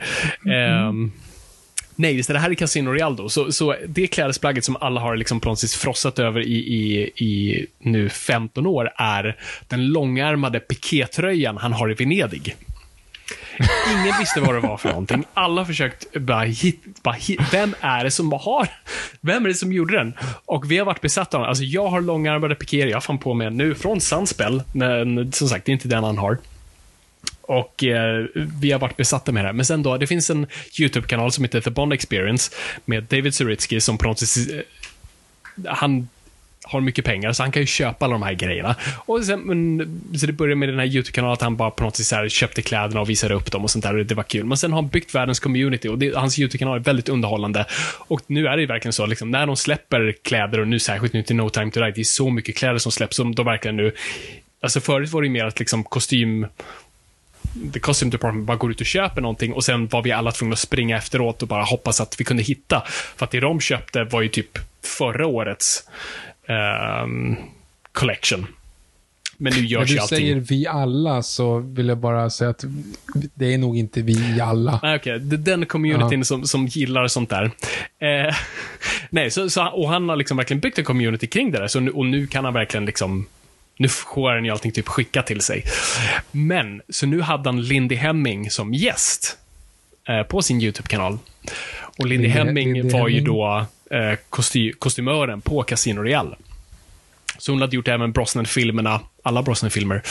Och det var hon som tog Omega till Bond och sånt där och, och har spelat en väldigt stor roll. Hon var även kostymören på, på Dark Knight-trilogin. Så liksom en legendar i sig. Och eh, till slut kan han då fråga liksom så här, vad är pikétröjan? Och hon ger oss svaret. Nu kommer inte jag ihåg vad det hette bara för det. Men, sen såklart på grund av att den här kanalen blir så stor, så har det här märket nu lovat att uh, re-releasa den. Så att det är, en, det är en glad dag för oss alla, Viktor. Åh herregud. det här var en för lång utläggning för någonting så trivialt. Jag ber så hemskt mycket om ursäkt. Det, det är sånt här jag sitter med på min fritid och kollar på. Så att, eh, men, men det här var en big win. Alltså, det här är ju också en grej som så här, Casino Royale gör ju mig, alltså det, det är en nyckel till allt för mig. Alltså det, det, det, det är något, det är en nyckel till liksom alkohol, liksom så här Vesperdrinken och, fram, och framförallt då liksom klädestil. Alltså, så många saker som jag antingen köpt från Casino Royale. Alltså, jag har ju den här väldigt kända då, mm, Sunspel kortärmade piken som blev ikonisk, som Sunspel fortfarande liksom bara kan fortsätta sälja. För att det är deras mest sålda plagg, för att alla fortsätter köpa det, för den är så jävla poppis. Um, så jag har köpt den. Jag liksom, jag, min första läderjacka var, försökte liksom hitta någon som var ganska lik den han har i eh, flygplatsscenerna. Ja, men, och så många andra grejer jag har liksom kopierat från den filmen, som blev liksom starten på den resan för mig. Det, alltså, det, den filmen har gjort så, format så jävla mycket i mitt liv, så det är pinsamt. Men ja, låt oss prata om filmen. Eh, den första punkten jag skulle vilja röra på är eh, du säger att den här, den här Bond ändå inte är Flemings Bond. Mm. Det, jag håller ju med dig. Alltså, han är inte lika misogyn och lika hardcore. Han röker inte 100 cigaretter om dagen och allt sånt 70. där. Vad sa du? 70 cigaretter om dagen. Ja, 70. Säger han. Säger han. Eh, så, men, men jag skulle ändå säga att den här, det, det är väl det här argumentet de flesta drar, just att ja, men Craigs Bond är nä, så nära Fleming vi kommer. Och det skulle du väl ändå hålla med om? Dalton? Dalton är ju där också. Det är, det, precis, det är det folk brukar säga. Liksom, Dalton och Craig är väl lite samma stuk. Men Dalton är mer, det är mer som att det är lite samma liksom Peter Sellers-aspekten av att Dalton gör en grej och filmarna gör en annan. Ja, men okej, okay, men, men vad, tänk, vad tänker du komma till? Vad, vilken Nej, bara, vilken bara, scen tänker jag, du på? Jag, jag, jag, var bara lite fascinerad att du ändå tryckte eller hyfsat hårt på just att säga, men det här är ändå inte den Bond. Och jag skulle ändå argumentera att det typ ändå är så nära vi kommer den slags Bond. Det här är liksom en, en väldigt destruktiv, väldigt mörk, väldigt skadad person. Jo, men han är inte lika Alltså han är inte lika om du, om du kollar liksom på... Alltså, jag, jag, tänker James Bond som sitter som den här jobbiga på restaurangen. Alltså, Bokbond är den här jobbiga på restaurangen som så här, ja men den här, det här ostronet tycker jag är för litet. Det skickar jag tillbaka det här. Alltså, och min soppa är inte alls, den, den har skurit sig. Titta så här ska inte, den här färgen ska inte soppan ha. Alltså den typen av person ser jag James Bond som. Mm. Som verkar veta allting själv. Alltså han vet hur allt ska vara. Så här, fast det stämmer. Jo, det ska vara så. så. Så ska det vara. För annars är det inte fint. Alltså, det är en, det är en, liksom, är en, en bitchy snobb liksom. Som, ja. som egentligen mm. hatar allt och han, han hatar alla. Han, är liksom, har, ingen, han har ingenting till övers för någon. Liksom. Och han, eh, enda gången han liksom pratar om, han pratar till och med ganska långt in i boken när han ändå säger så här, ah, jag gick omkring, först ville jag bara ligga med, med Vesper. Det var, och tre dagar senare när det blir dålig stämning, då hade jag kunnat skylla på att jag åker iväg någonstans liksom, och så blir det bra. Och så, nu, nu är det någonting jobbigt, nu är det någonting som bubblar här. Det är liksom konstigt, typ aldrig upplevt kärlek överhuvudtaget. Alltså, den Craigs Bond är ändå lite charmig. Alltså han kan ju ta bilen, åka ett varv i rondellen och komma tillbaka som ett skämt. Flemings mm. Bond hade ju aldrig skämtat överhuvudtaget. In i bilen! Alltså, ja, ja, precis, han har gjort det, han har gjort det med, med våld. Liksom. Alltså, förstår du vad jag menar? Det finns liksom ingen, det är ju en, en, en mörk, tråkig, snobbig person som bara gör allting på sina egna, egna villkor. Mm. Nej, men det, det, är en värdefull poäng faktiskt. Eh, det, man skulle väl kunna säga att den här Bond är på något vis en perfect mashup med liksom Eons Bond, som har liksom formats från Connery till Moore och Pierce Brosnan och allt det där. Liksom den här med charmiga, suava, one-liner Bond, mix med den mer mörka aspekten av Bond.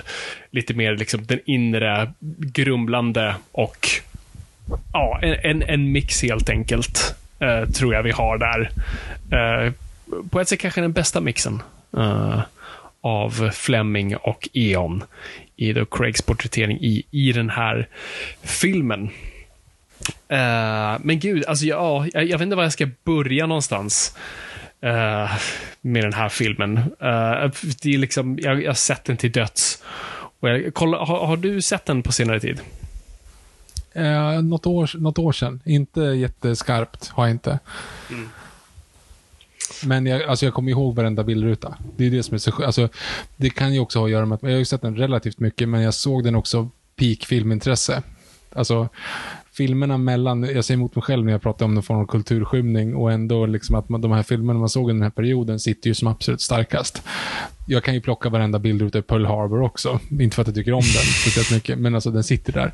Eh, och det är lite samma stuk som den här, för att man såg den under den perioden och sen så fastnar det liksom.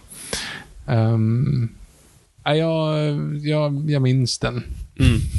Nej, men jag, tror just alltså, att det var den här, den kom verkligen perfekt i tiden och allt det där. Jag, jag tror det bara liksom, karaktären är, blir så han är så väl etablerad trots att han är så ny. Det här är ju inte liksom Pierce Brosnans Bond, så de måste liksom definiera honom på nytt. Men de gör det liksom helt rätt genom just att liksom klä av honom. Och det är någonting vi, vi verkligen, ja, ja, vi vet, det är det den här filmen gör. Liksom. Men, men, men vi tar det lätt för givet att liksom, när vi ser Bond första gången i en bil i den här filmen så kör han en Ford. När han beställer en drink för första gången, det är någon liksom romdrink. Liksom. För att Pierce Brosnans Bond, då var det alltid, ja det var BMWs, men det var liksom alltid en gadgetbil, det var äh, alltid en, en vodka martini. Du vet, det var Allting var alltid peak Bond hela tiden. Och här, den, vad den här filmen hela tiden gör är bara ta bort det. Hela tiden. Och visst, har den där klassiska grejen. Uh, vodka martini, mm, shaken or stirred, do, do, does it look like a give a damn? Vilket nummer ett så här. Om en bartender frågar dig det, spring därifrån. En bartender ska aldrig fråga om du har skakad eller rörd, för det, det, nej. Du gör det bara inte. Men, det funkar i den kontexten. Men det är inte bara de, liksom, den, den skriker mer rakt ut så här, det här är inte vad din pappas Bond. Uh, men det gör det hela tiden subtilt också. Med de mindre grejerna, som jag säger, just med, liksom, han kör Ford. Eh, och det är det jag gillar. Jag gillar att filmen är smart. Den hela, liksom, den tänker ett steg. En av mina absoluta favoritbilder i filmen är när, när de är i Madagaskar och spanar in då den här parkour-bomb eh, meckaren. Och eh, de blir avslöjade och killen drar. Och det jag älskar så Bond står, står liksom uppe i en byggnad liksom. Eh, med armarna i kors där. Men han rör inte på sig förrän killen har sprungit förbi honom strax under. För att han vill inte registrera som att han jagar. Och vilket är en av de mest bara smarta, subtila, det är ingen som säger ingen kommentar, utan det är bara så snyggt plottat på så vis. Han drar inte förrän killen är förbi. Så, nu hoppas jag att han inte tror att det är någon efter honom. Bara sådana där grejer gör mig alltid så jävla satans glad. Eh, gud, vad, vad, mer finns det? Jag vet inte. Alltså, jag, jag kan ju liksom prata om den här filmen till döds. Eh, eh, fan, Viktor. Ja, det, är liksom, det här är too much for brain. Jag vet inte vilken ände jag ska börja. Jag, jag tror det här måste bli en DVD-kommentar. Alltså, ja, det, det, är ju ändå ironiskt att vi har ju faktiskt gjort en DVD-kommentar på en Bond-film. Men mm. det är Die Another Day. yes, det känns väl ganska poetiskt att vi, vår andra Bond-DVD-kommentar ska vara Casino Royale. Ja, det är det vi gör. Okej, okay, så att, det här är dealen, Viktor. Mm. Vi kommer sätta oss ner. Vi kommer kolla på hela Casino Royale och vi kommer kommentera den live och prata om varför den äger så jävla tungt. Och alla de som vill sitta med kommer få sitta med. Antingen, vi kommer beskriva hur bra, så du behöver inte ens ha filmen framför dig, men har du filmen framför dig så går det bra. Jag kommer blanda dig i en vesper. Uh, och jag kommer sitta där i min sandspel piké och uh, njuta tillsammans med, ja, det, det, det är bara det vi kan göra, Viktor. Jag, jag ser ingen annan väg. Shit. Det, det är ändå, det är, det är ju svårt, jag ska bara lägga in här, det är ju väldigt svårt att göra en kommentar på en film som du tycker är bra. Mm. Det är ju skitsvårt. Så, så jag, jag, behöver nog, du behöver inte, men jag behöver nog ett par Vespers uh, under västen för att liksom... Du kommer bara sitta där och gråta över hur vackert allt Ja, absolut. Det är det det kommer vara. Så jag kommer totalt göra bort mig själv och... Sista, sista timmen är bara mitt in. ja, ja, men det ser vi fram emot. Det låter som en fair deal. Bra, bra idé. Mm.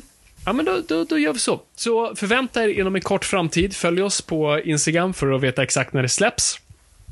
Men det här kommer, det, här, det, här, det, det, det är vad som kommer behövas bli. Då, då, då sätter vi ett litet bokmärke här. Och ja, vi, det, blev, det, det blev kortare än vad jag trodde, fast det inte blev så kort. Eh, Mm. Nej, men det är faktiskt en bra grej. Alltså, som sagt, vi har ju faktiskt pratat om den här filmen en gång redan. Eh, ja, så varför inte göra det ännu mer? Ja, exakt. Så vi, nu måste vi liksom bränna på ordentligt.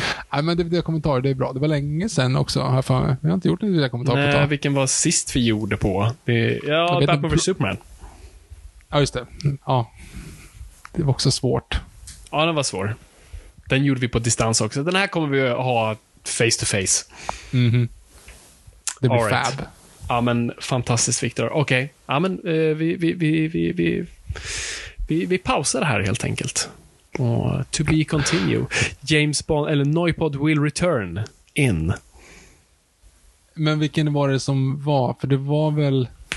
You only live... Nej, inte You only live twice. Nej, For Your Eyes. Only var det de sa Only, det men skulle det vara. blev Moonraker. Men sen kom Star Wars bara, fuck that. Vi är Moonraker nu. det. det är kul. Det är kul. Alright. Vi, vi, vi tackar för oss här. Vi bommar igen det här. Tack så jättemycket för att ni har lyssnat. Det är kul att vara lyssnat med Kommer gott folk. Ingenting är för nördigt.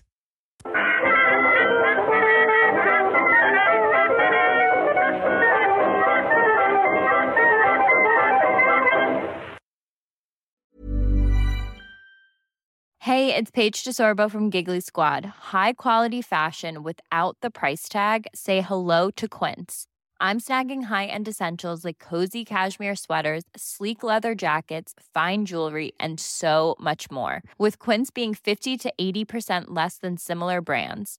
And they partner with factories that prioritize safe, ethical, and responsible manufacturing. I love that. Luxury quality within reach. Go to quince.com slash style to get free shipping and 365 day returns on your next order. Quince.com slash style. Mom deserves the best, and there's no better place to shop for Mother's Day than Whole Foods Market. They're your destination for unbeatable savings, from premium gifts to show-stopping flowers and irresistible desserts. Start by saving 33% with Prime on all body care and candles. Then get a 15-stem bunch of tulips for just $9.99 each with Prime. Round out Mom's menu with festive rosé, irresistible berry chantilly cake, and more special treats. Come celebrate Mother's Day at Whole Foods Market.